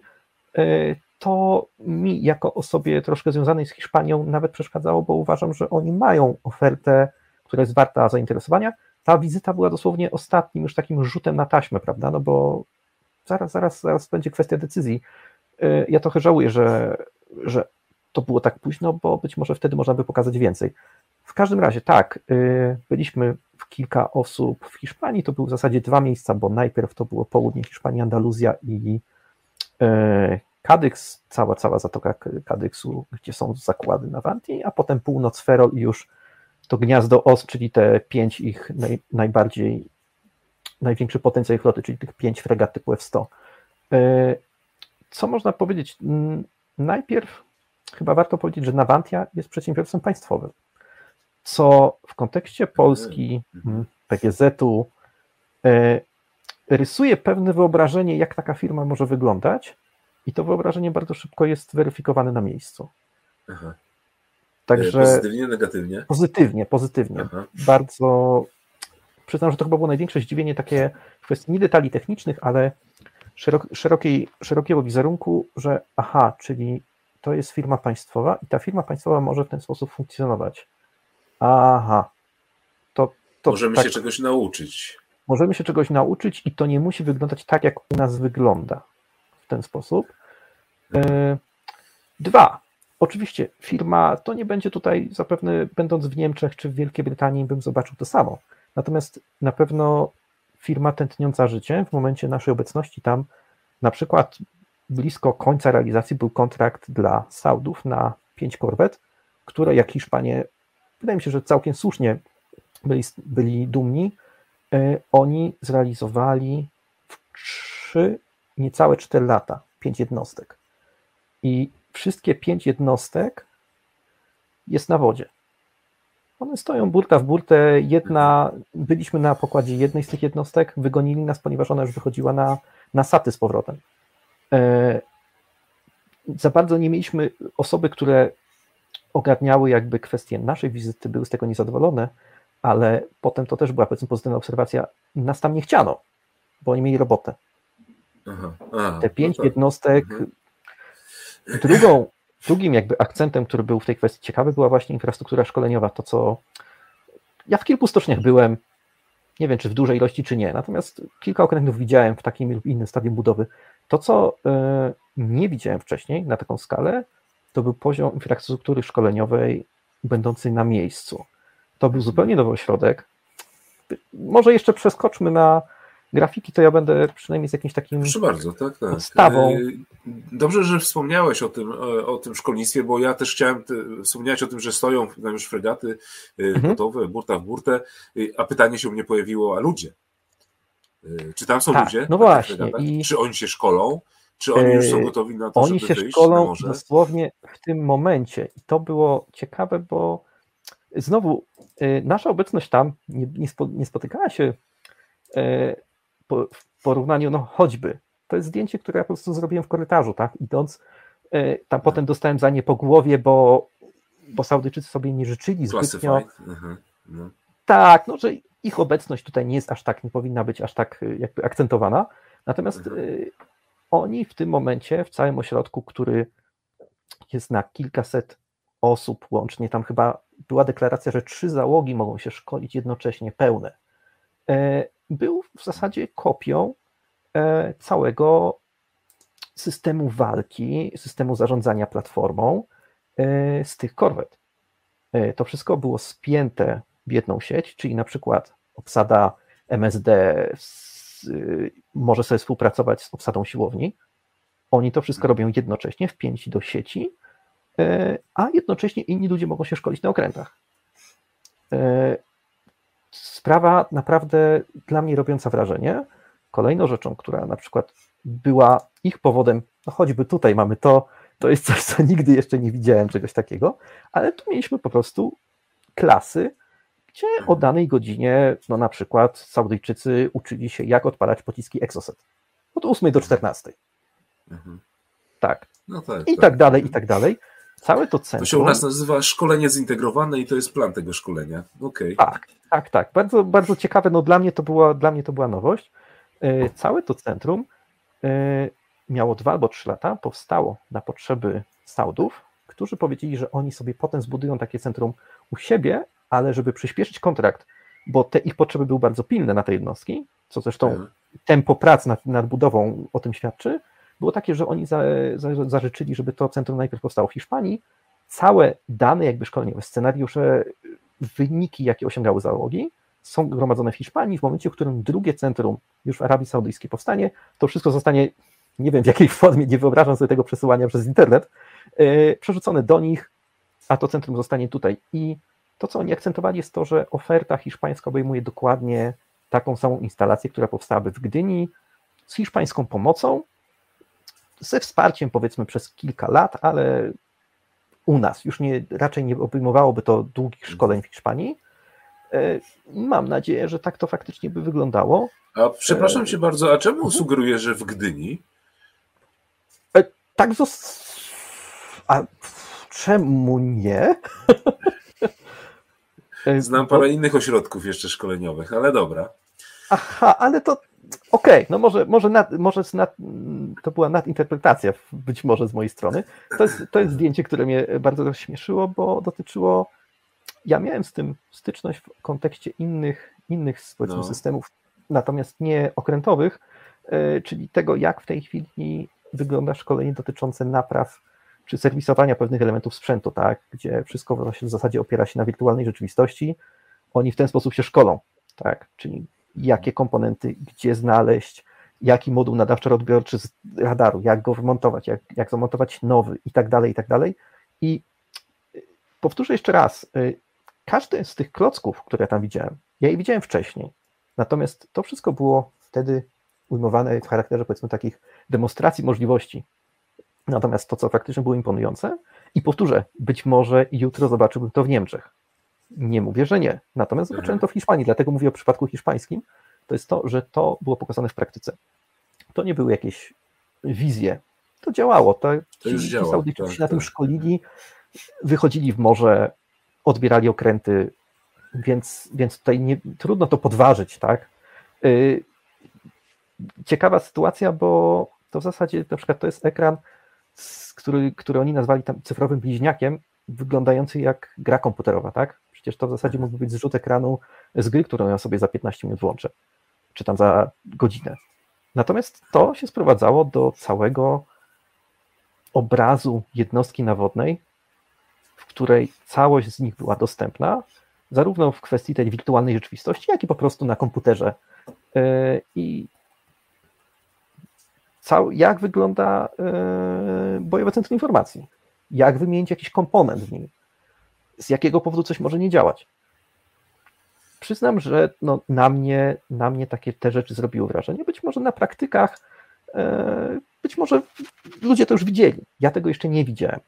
E, kolejna sprawa, cały wirtualny mostek, który ja widziałem w Gdyni WMW, natomiast w przypadku tego wirtualnego mostku, to co było ciekawe, to integracja właśnie z Centrum Zarządzania Siłownią z BCI, gdzie wszyscy działają w obrębie jedne, jednego okrętu. On jest tam w 20 czy tam 10 salach, natomiast całość jest prowadzona jako jedno, jedno działanie, tak? Oni mogą się szkolić w zasadzie prawie cała załoga jednocześnie. I było to, było to coś dla mnie nowego i interesującego. Y, to, co jeszcze hmm, wywołało znowu to już tak w ramach anegdot i kończąc ten temat, e, powodem do dumy Hiszpanów, tak bym to powiedział, przynajmniej tak to odczytałem, e, znowu tutaj zrobimy dziwny, Proszę. e, było coś, co oni nazwali cyfrowym bliźniakiem. Poza tym ja potem się trochę spróbowałem tego doszukać, tego typu, tego typu inicjatywa jest w Stanach Zjednoczonych. Niemcy również akcentują, że mają takie możliwości. I właśnie Hiszpanów, być może kilka innych krajów też, też w ten sposób działa. Natomiast cała koncepcja polega na tym, że na każdym kolejnym etapie budowy jednostki, już je, po jej przekazaniu marynarce wojennej, istnieje jej cyfrowa kopia, e, która po prostu ułatwia serwisowanie. Tylko, że w tym momencie sprawa poszła trochę dalej, bo to już nie jest tylko kopia, którą aktualizujemy raz na pół roku. Zgodnie z tym, co Hiszpanie e, mówią jak mają ich nowe okręty wyglądać, to jest w zasadzie równoległy byt. Czyli mamy okręt, który jest w morzu, i w momencie, w którym na tym okręcie z jakiegoś powodu mm, zadziała system gaśniczy i ten środek zostanie zużyty, ktoś y, z powodu awarii wytnie y, jakieś nie wiem, lukę we włazie albo w którejś brodzi, ta kopia automatycznie, że takie, takie działanie zostało podjęte, znajduje się w tej bibliotece cyfrowej. I na odwrót, jeżeli programiści na lądzie obsługujący te okręty dojdą do wniosku, że należy jakoś zaktualizować oprogramowanie, zmienić położenie pewnych przedmiotów, to jednocześnie ma zostać wykonane na okręcie. E, no, widać, w jakim kierunku to idzie, tak? Czyli marynarka wojenna, tradycje, wszystko na powoli, spokojnie, ale okazuje się, że nie, że po prostu to musi nadążać za tymi czasami, za tym, jaki materiał ludzki w tej chwili jest, jak on ma się uczyć, do czego jest przyzwyczajony, e, bo ci ludzie młodsi ode mnie, e, to jest inne pokolenie i oni, se, oni sobie nie wyobrażają inaczej niż siedzieć przed padem, sprawdzić na goglach VR, gdzie jest położona jaka część, i po prostu jest ten wyścig, żeby zwyczajnie ten komfort ich pracy i chęć służby pracy i chęć przystąpienia do tej floty żeby potem oni z tego nie zrezygnowali, e, za tym nadążyła. I, i widać, że tu jest bardzo mocne dążenie i na przykład no, no, dla Hiszpanów oni byli z tego dumni, e, natomiast wśród nas, wśród tych dziennikarzy z Polski pojawiły się lekkie żarty, że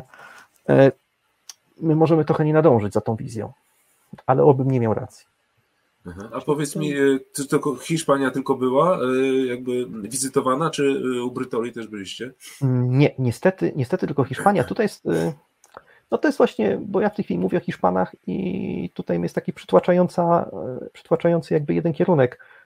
Bardzo bym chciał, żeby na przykład być w tej chwili jeszcze zapoznać się z brytyjską i z niemiecką ofertą, przy czym mam tą powiedzmy taki taką przewagę, że przynajmniej na pokładzie mm, mm, jakby ojca chrzestnego, no, na pokładzie Iverhuyfelda, czyli tej fregaty duńskiej, która jest bazą dla brytyjskiej oferty, byłem. Y, miałem przyjemność tam kilka, kilka dni spędzić na morzu i z pewnymi rozwiązaniami się zapoznać. Y, więc wiem, jak ten okręt wygląda. To, to jest kilka dni, to, to nie jest nic, nic wielkiego, ale mam pewne wyobrażenie. Y, natomiast niemieckie to jest jakiś chyba najwyraźniej fatum albo pech. E, niemieckie inicjatywy i niemieckie okręty mnie omijają. Nie wiem czemu, ale nie miałem takiej przyjemności. A obawiam się, że miecznik jest na, na finiszu i, i to chyba był ostatni dzwonek, żeby, żeby z niemiecką filozofią zapoznać. No tak, my musimy chyba jeszcze jedną rzecz tutaj podkreślić, jeśli yy, mówimy o tym wyborze, który tak naprawdę za tydzień się odbędzie, yy, to też jest wsparcie państwa, tak? Z tego, co ja słyszałem, to tutaj zresztą Dawid potwierdził, Hiszpania Navanti jakby najbardziej, bardzo wspiera, no bo to jest jakby państwowa firma, tak? Mhm. Brytyjczycy są również wspierani przez swój rząd, natomiast tutaj yy, niemiecka strona chyba troszeczkę odpuściła. E, Przynajmniej tak. ta e, formalna rządowa część, tak? Zgadza się. To jest, to jest ciekawe. Oczywiście każda, każdy oferent będzie przekonywał, że jego, e, jego kierunek jest najbardziej słuszny. To, to jest oczywiste. Ale pod względem powiedzmy właśnie tej takiego mariażu państwowo, może nie państwowo-prywatnego, no bo to są dwie firmy państwowe, natomiast przemysłowo-politycznego, o, w ten sposób to ujmijmy. tak, no w przypadku Hiszpanów sprawa jest oczywista. no bo jeżeli mówimy o państwowej firmie, no to wsparcie jest w zasadzie z definicji. W przypadku brytyjskim jest to jednak Babcock, więc nie jest to firma państwowa, ale obecność brytyjska na poziomie politycznym, gospodarczym od kilku lat jest bardzo mocna w Polsce. E, nie tylko dotyczy ona miecznika, ale programu, który innego programu modernizacyjnego, który jest mocno związany z tym programem, czyli programu NAREW. Chodzi o system przeciwlotniczy. No właśnie, czyli to jakby Michał się też wkomponowuje teraz z tym, co mówił, tak, o tych. Y, mhm. Y, Michał, jak ty na to patrzysz jako ze względu właśnie na, na to, tą państwowość, to współdziałanie y, rządów, państw, które oferują te, te jakby oferty w tym, oferują oferty, ale jak przedstawiają oferty w tych programach? Tutaj widzimy taką jedną rzecz. Otóż tutaj pozwolę sobie nawiązać też do tego, o czym Dawid mówił, y, bo jest coś takiego w naszych siłach zbrojnych, że poszczególne rodzaje sił zbrojnych miały zawsze takie kilka, nazwę to rzeczy, czy to programów, które były takimi, e, powiedziałbym, flagowymi programami i one niejako ciągnęły te procesy modernizacji. Przykładowo, siły powietrzne dostały F-16 i mhm. razem z F-16 zaimportowano doktrynę użycia, taktykę. Powiem tak, wręcz widać też pewną, mm, no już tego słowa, taką mentalność, e, pewną kulturę organizacyjną, e, sposób podejścia. W wojskach specjalnych tak. mieliśmy to samo, też e, tak. przyjęcie pewnych wzorców i to mówię, patrzcie, można inaczej, teraz robimy to inaczej, takimi narzędziami, jakie mamy do dyspozycji. Jeżeli chodzi o kwestie polityczne, no tutaj no, w kwestii Niemiec to niestety sprawa jest taka, że tutaj te Niemcy z różnych powodów, też naszych historycznych sentymentów, i tego, co było widać ostatnio, czyli tego specyficznego niemieckiego podejścia do mm, kwestii choćby eksportu broni. E, no Niemcy są na takiej pozycji międzynarodowej u nas, nazwę to szczególnej, natomiast y, każdy duży program zbrojeniowy no jest zawsze programem politycznym. Stąd też, y, kiedy znowu wybierano samo dla sił powietrznych, mówiono, to jest sprawa polityczna. Czy idziemy z Francuzami, czy idziemy z Amerykanami. E, kiedy mm, była kwestia mm, na przykład czołgów, to też jest jak najbardziej kwestia kierunków w naszej polityce e, międzynarodowej, bo chcemy mieć tego partnera i zawsze istnieje to mm, kwestia tego, że chcemy budować tą, tą współpracę długofalową. Nie chcemy, żeby to po prostu się nagle skończyło po kilku latach, bo to nie będzie dla nikogo korzystne. No a zawsze najmniej korzystne będzie dla nas jako tego, który jest tym biorcą tych y, rozwiązań. Więc jeżeli Słuchajcie, udało... Mhm. Ja, Michał, przepraszam Ci przerwę, ale y, cały czas gdzieś tam y, dla laików sprawa systemu dostarczania części, logistycznego wsparcia przede wszystkim te nasze marynarskie Sea Line of Communication, czyli te drogi dostarczania wszelkiego dobra morzem, czy te możliwość sea liftu tak zwanego, czyli gdzieś dostarczania tego wszystkiego powietrzem. Także to też jest ważne, bo łatwiej chyba dostarczyć z jednego kierunku, tak już jako laik mówię, teraz w tym momencie, nie jako marynarz, z jednego kierunku, niż dostarczać to z różnych źródeł, jak taka pajęczyna, prawda, bo to się później może na nas źle odbić. Dokładnie. Proszę Michał, tak? Przy czym to jest jeszcze taka jedna, e, jedna rzecz, która znowu uwidocznia się przy okazji kryzysu na Ukrainie, bo teraz na dniach e, Brytyjczycy zapowiedzieli, wyślemy wojska do Estonii. I w tym momencie mi przed oczami stanęło to, co było ćwiczone kilka lat wcześniej, czyli ćwiczenie Baltic Protector, które zakładało po to, że duże zgrupowanie zadaniowe pod przywództwem, pod dowództwem brytyjskim, stworzone też z państw skandynawskich, co robiło, ćwiczyło przy się morzem kompony sił, w tym Royal Marines, ze śmigłowcami, ze środkami wsparcia właśnie do państw bałtyckich. Więc y, spełnia się to, co było w tej chwili spełnia się. No niestety, no, za każdym razem ciarki mnie przechodzą, jak widzę poszczególne to y, obrazki, bo y, miałem nadzieję, że tego już nie będziemy oglądać, ale się to, co było ćwiczone w tym momencie. Jeżeli w tym momencie mamy silnego partnera państwowego, to wchodząc w tym momencie w współpracę przemysłową, we współpracę wojskową, zwiększamy cały czas prawdopodobieństwo tego, że ok, jeżeli będzie się coś działo w naszej okolicy, to może na przykład przyjdzie hipotetycznie brytyjska fregata czy brytyjski niszczyciel e, mhm. i ten bombel antydostępowy, tą strefę mm, ochrony naszych i nie tylko naszych, ale sojusznych interesów na Bałtyku będzie po prostu, e, będzie po prostu nam zapewniać. Mhm.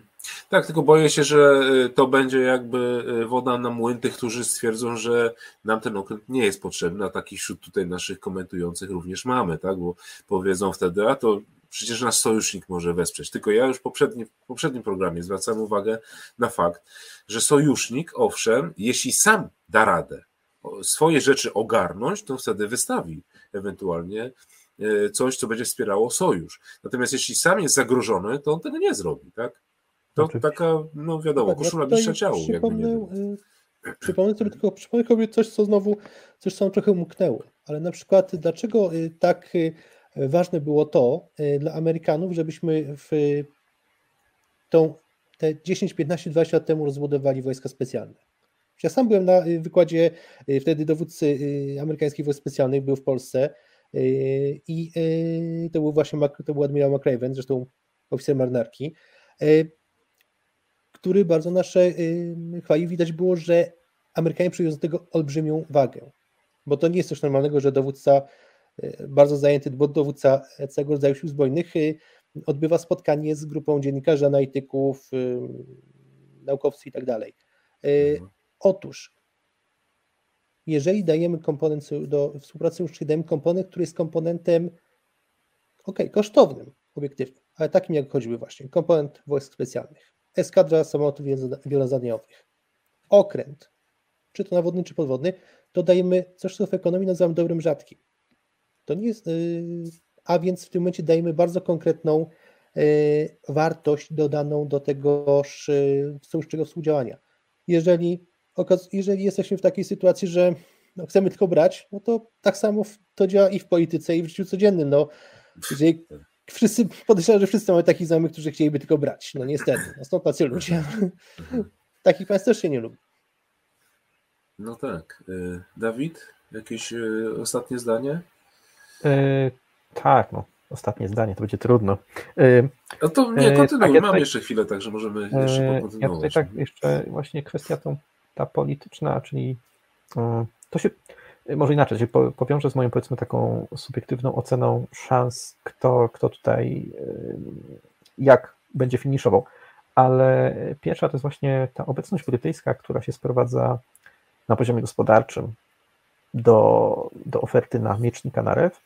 Tutaj mamy pewno, pewne przenikanie się, ponieważ już e, minister obrony narodowej e, Polski, pan, pan Mariusz Błaszczak powiedział, że pociski wybrane dla Narwi czyli najprawdopodobniej pociski CAM, CAM-ER oferowane przez MBDA, oferowane przez Brytyjczyków, e, będą jakby obowiązkowym elementem wyposażenia mieczników, mhm. co jest już pewną wskazówką, czy pewnym kierunkiem, jaki chcemy obrać.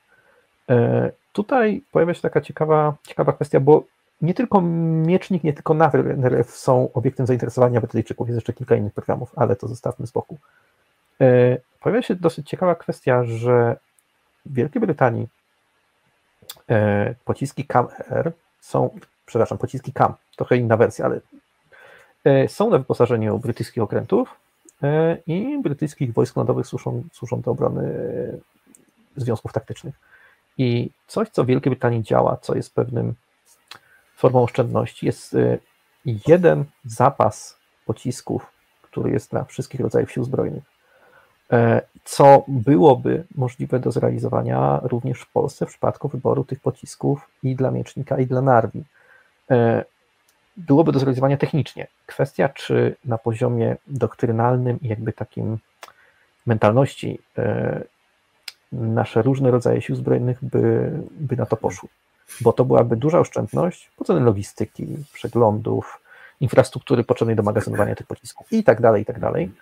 E, byłoby bardzo interesującą opcją, nam oferowaną, wskazywaną de facto przez Brytyjczyków, że... A to są to jest... wszystko Dawid, przepraszam, mhm. przerwam, ale bo dla laików po prostu oni widzą na przykład okręt, oni sobie nie zdają sprawy, że to tak. trzeba gdzieś y, zatankować, gdzieś y, uzbrojenie jego jednostkę no tak. ognia, tak. jedna jest mhm. na okręcie, ale mhm, pozostałe, mhm. pozostałe gdzieś to muszą, musi być przechowywane. Tak, i to kosztuje. A to generuje kolejne koszty, prawda? Oczywiście. Magazyny, przeglądy tego wszystkiego, specjaliści, dostarczenie. To jest, tak, no, tak, tak. To... Szczególnie, że to są bardzo zaawansowane systemy uzbrojenia. Te pociski kosztują krocie e, i one zas zasługują, wymagają w zasadzie takiej obsługi, bo inaczej ten, ten, ten wydatek będzie bezsensowny. Bezużyteczny. E, tak. bezużyteczny, tak. Więc, więc to jest ten akcent, który jest znowu silną stroną brytyjskiej oferty. Natomiast kończąc, jeżeli ktoś by mnie spytał, sam się spytam, okay. o to, jak stoimy z miecznikiem, kto na jakiej pozycji. Ja w tej chwili uważam, że oferta brytyjska nie jest najsilniejsza, brytyjsko z pewnymi komponentami, nie jest najsilniejsza pod względem technicznym. Natomiast y, jest najsilniejsza pod względem politycznym i najprawdopodobniej również gospodarczym, czyli mamy już te dwa czynniki, w zasadzie z trzech, które by tu zadecydowały i moim zdaniem Brytyjczycy tą taką stałą prezencją, obecnością e, są może nie, fur, nie murowanym, ale są bardzo, bardzo mocnym faworytem w tym postępowaniu. E, na drugim miejscu ja bym osobiście postawił paradoksalnie nie Niemców, co wcześniej bym zrobił, ale Hiszpanów.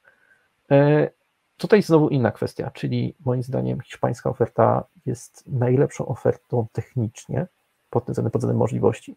Połączenie hiszpańskiej fregaty sprawdzonej z amerykańskim systemem walki, z Aegisem, z radarem Spy One, z tym całym ekosystemem, który Amerykanie z Hiszpanami i z wieloma krajami na świecie budują od kilkudziesięciu lat, jest może nie moim zdaniem. Moje zdanie to natomiast, który w zasadzie każdy oficer marynarki, który mówił, że miałby wybierać, bo Mikołaj przyszedł, mhm. wybiera, wybiera tego, tego, to rozwiązanie. Natomiast oferta niemiecka, obawiam się, że no obawiam się, że ma trochę mniejsze szanse, tak bym to powiedział. Mhm. Mi się wydaje, że w ogóle przez y, nie tyle dezinformację, co brak informacji. Tak? To jest dla, jakby dla e, takiego szerokiego grona publiki, która się przygląda temu, e, odczuwalne chyba, że, te, że Niemcy jakoś e, nie za mhm. bardzo chcą wjechać. Natomiast ja, ja mam do Was takie pytanie jeszcze, bo my mhm. tutaj rozmawiamy o wielu płaszczyznach, bo zwróćcie wszyscy uwagę na, na fakt, jak to wszystko jest płaszczyznowo porozkładane, tak? O, wie, o, jak wielu wątkach przez te półtorej godziny tutaj e, e, rozmawialiśmy, a nie zahaczyliśmy jeszcze jednego, przemysłowego tak naprawdę, bo mówiliśmy o, o e, tych, którzy nam proponują ewentualnie coś, ale w tej propozycji musi być zawarta informacja o tym, że gdzieś to będą budować konkretnie, tak? Mhm. Wiadomo, że to ma być też w Polsce budowane, że ma być zassanie pewnych technologii do, do naszego przemysłu, ba, później ewentualnie udostępnienie e, swoich możliwości tym producentom, którzy te, te okręty będą produkowali dla kogoś innego, prawda? Co, co na ten temat e, możemy powiedzieć? E, ja może tak, powiem to, co wiem mhm. odnośnie okay. tego, jaki miałby być kształt, kształt powiedzmy tej produkcji u nas w zasadzie wiadomo, rozbija się to dwie e, stocznie z pewną pomocą mniejszych, mniejszych podmiotów, ale e, Remote Shipbuilding i, i Boże, PGZ Stocznie Wojenną, chciałem powiedzieć SMW. E, I Zgodnie tak, ale Dawid, tutaj wspominasz mhm. jakby o, o kadłubie i w uposażeniu Aha. tego, tak? Ale my, ja tam z tyłu głowy mam mhm. cały czas, wiesz, tego y, człowieka na taśmie, który pracuje w jakimś przedsiębiorstwie w głębi Aha. kraju, który produkuje jakieś łożysko, które będzie wrzucone tam do tego, z całego systemu, wiesz? Tak, to tak y, eee. w cudzysłowie oczywiście mówię. I co mam tu powiedzieć? Aha, y, Michale, czy ty chcesz, czy ja jeszcze, bo ja już tak wpadłem w ciąg i Sprawa jest taka, jeżeli chodzi o kwestie przemysłowe, znowu to, co ja też słyszałem od y, osób z y, branży stoczniowej, no ok, będziemy, u nas możliwa jest budowa e, budowa jak najbardziej kadłuba tej części, nazwijmy to mechanicznej. Wiadomo, że pewnych rzeczy po prostu nie robi. Natomiast co jest w tym momencie istotne, e, jeżeli jest możliwość, żeby wykorzystać y, jakiś właśnie podzespoły. Na przykład właśnie te, choćby te łożyska, mm, czy innego rodzaju komponenty, które są dostarczane w Polsce, ok, do tego powinniśmy y, dążyć jak najbardziej, bo te korzyści są, dosyć, są, y, są oczywiste. Nie wiem co tutaj, co Dawidzie. Y, aha, dobra. E, tak, to, to jest właśnie, mam wrażenie, że mamy tutaj dwa problemy, czyli pierwszy produkcyjny, bo w zasadzie tak, no, mówimy o tym, że pierwszy to jest cykl, powiedzmy, e, jakiś badawczo-rozwojowy, potem opracowanie dokumentacji, produkcji, natomiast drugi to jest, powiedzmy, utrzymanie w czasie tego całego okresu życia. E, w kontekście tej pierwszej części to jest, e, no, widzę to z mojego subiektywnego, cywilnego punktu widzenia. Widzę to bardzo źle, ponieważ tak naprawdę, jeżeli mówimy o platformie, E, systemy, y, boże, silniki wysokoprężne, zagranica, turbiny gazowe, zagranica, silniki elektryczne, zagranica, przekładnia, zagranica, wały być może, e, pędniki, zagranica, e, system zarządzania siłownią, platformą, za granicą. No okej, okay. kadłub w porządku. Zintegrowany mostek za granicą. Dobra, mamy platformę. Teraz system walki, czyli sam system walki zagraniczny. Wszystkie sensory, radary, e, głowice elektrooptyczne, ok, tutaj mamy pewien, ale to wszystko, systemy radiolokacyjne zagraniczne, sonar kadłubowy zagranica, sonar holowany, sonar zanurzalny zagranica, pociski przeciwlotnicze zagraniczne, pociski przeciwokrętowe, NSM albo RBS-y zagranica, artyleria średniego kalibru za granicą.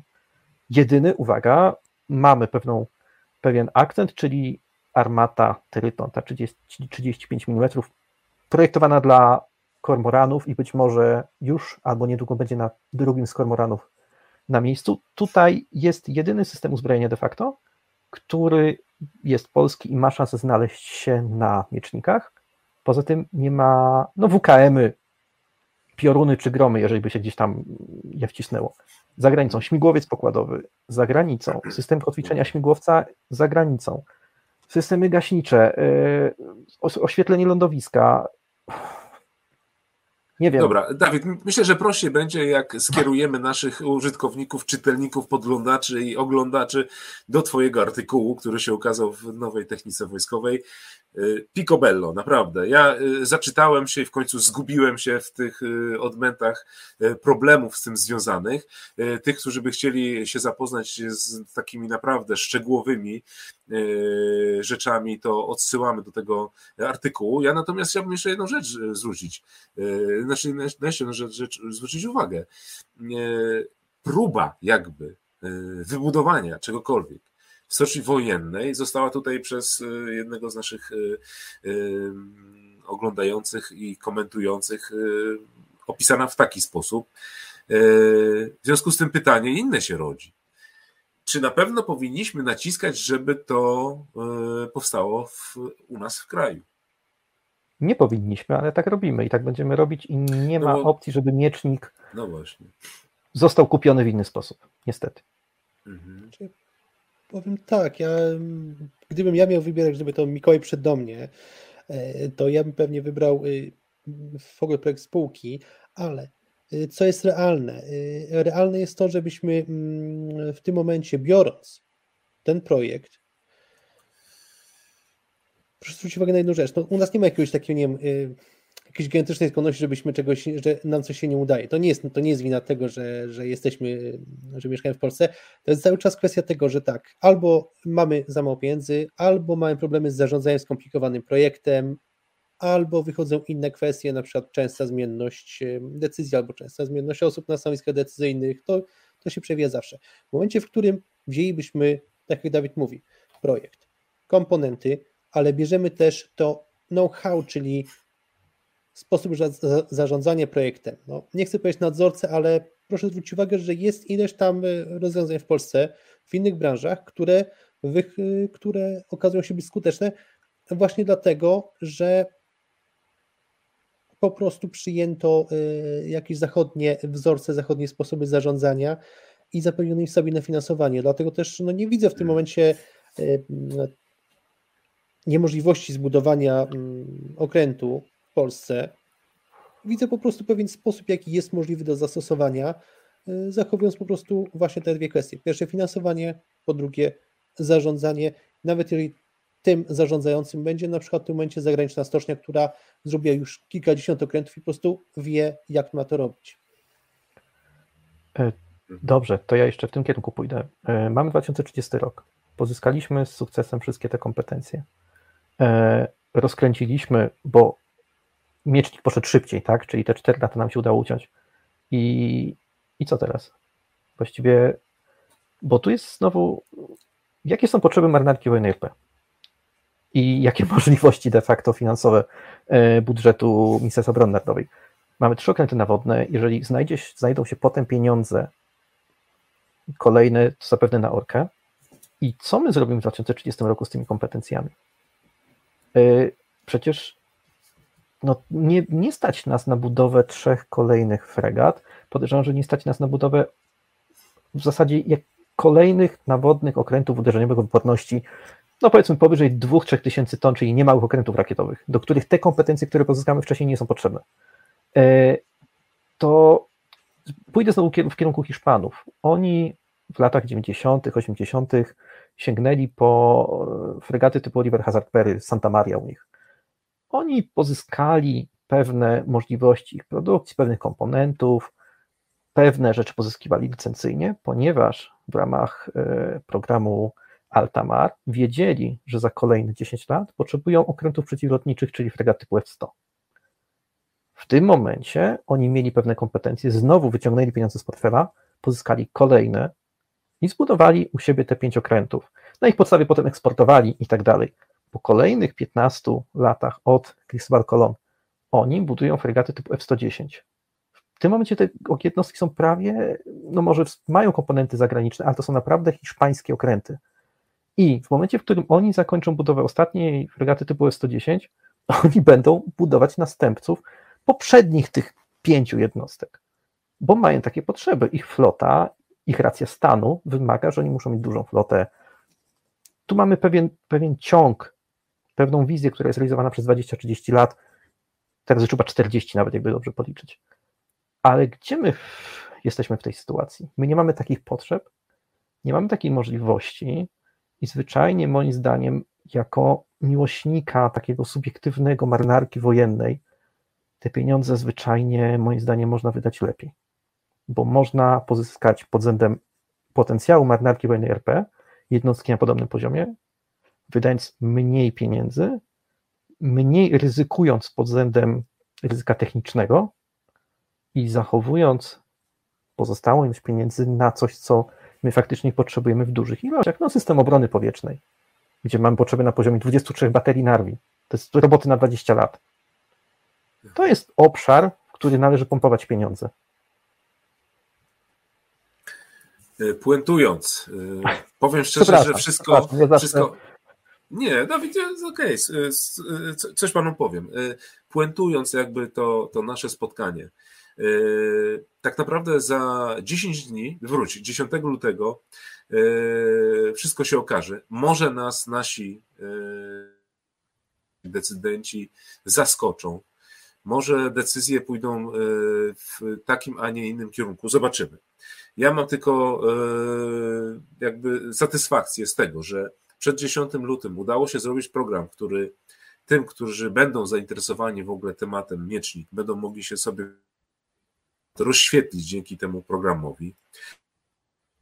Marynarki wojennej i to ją, można się dowiedzieć wszystkiego w programach, które e, do tej pory produkowaliśmy w, w ramach spotkań na mesie. I tutaj zachęcam wszystkich do tego, żeby sobie e, na playlistach, szczególnie na YouTubie, poprzeglądać i tam można sobie tego wszystkiego się doszukać, jeśli ktoś jest zainteresowany oczywiście. I jedna rzecz, która e, mnie zawsze prowadzi do celu, bo można mieć piękny sprzęt, niesamowity okręt z niesamowitym wyposażeniem, potrzebni jeszcze ludzie. Bez ludzi nic nie zrobimy. Ci ludzie muszą być na odpowiednim poziomie edukacyjnym, bo marynarze nie, nie, tu nie pije do nikogo i niestety są to wysokiej klasy specjaliści. W 96% są to ludzie, którzy muszą wiedzieć, co, gdzie i jak. Szczególnie e, tym high-tech. I poza tym trzeba ich jeszcze wyszkolić a na to szkolenie potrzeba dużo czasu. I tego czasu będziemy mieli mało. Też może być mało, ale na to nie mamy wpływu. Szanowny Panie Michale, Szanowny Panie Dawidzie, tym samym zakończyć nasze dzisiejsze Wam E, rozmowy, bo było bardzo miło, bardzo merytorycznie. E, cieszę się, że to Was właśnie miałem e, u boku, aby porozmawiać na ten temat. Zachęcam do dalszej możliwości współpracy ze spotkaniami na mesie. Dawid, jakieś ostatnie Ale ostatnie zdanie. Obyśmy byli w błędzie, albo obym ja był w błędzie. Aha, okej, okay, dobra. Tak, Michał? tak, bo ja zawsze, ja zawsze kończę no. tak pesymistycznie, więc obym, obym się mylił po prostu. No ja dla, dla kontrastu, no, zacznę, dla, dla, kontrastu, no jednak pozwolę sobie na optymizm i no, mam nadzieję, że za jakiś czas, no to, to się spotkamy znowu, y, znowu tutaj w tym programie i będziemy, będziemy rozmawiać o tym, jak wyglądała ceremonia y, wodowania i chrztu y, pierwszego miecznika. No, Więc może to będzie jakaś, jakaś jednak nuta optymizmu na ten wieczór. Aha. Aha. Okej, okay. ja bardzo dziękuję. Oby. Oglądali nas nawet ludzie na Atlantyku, y, także y, świat jest mały. Y, myślę, że. Pozdrawiamy. Pozdrawiamy. Tak. Y, tutaj pan Dawid realista, ale y, mówię, wszyscy zobaczymy, co z tego wyjdzie. Były tam takie głosy, że y, no, nasz to będzie czek, który będzie wystawiony na zapłacenie za tą fregatę tak. i tyle z tego wszystkiego optymizmu będzie. Tak, tak Także tak. no zobaczymy. Dobrze, bardzo panom dziękuję. Ja bym prosił, żeby jeszcze pozostać na chwileczkę na, w studio, a ja się tutaj postaram jeszcze szybciutko pożegnać z państwem i szanowni Państwo, bardzo dziękuję za uczestnictwo w tym, w tym spotkaniu. Było merytorycznie, e, bardzo soczyście i mam nadzieję, że tak będą wyglądały również kolejne nasze e, spotkania. Za tydzień spotkanie już ostatnie w temacie Iskra i spotkanie z panem admirałem Dyrczem. A tymczasem no, pamiętajcie o tej naszej banderze zawsze wierni Banderze. Do zobaczenia.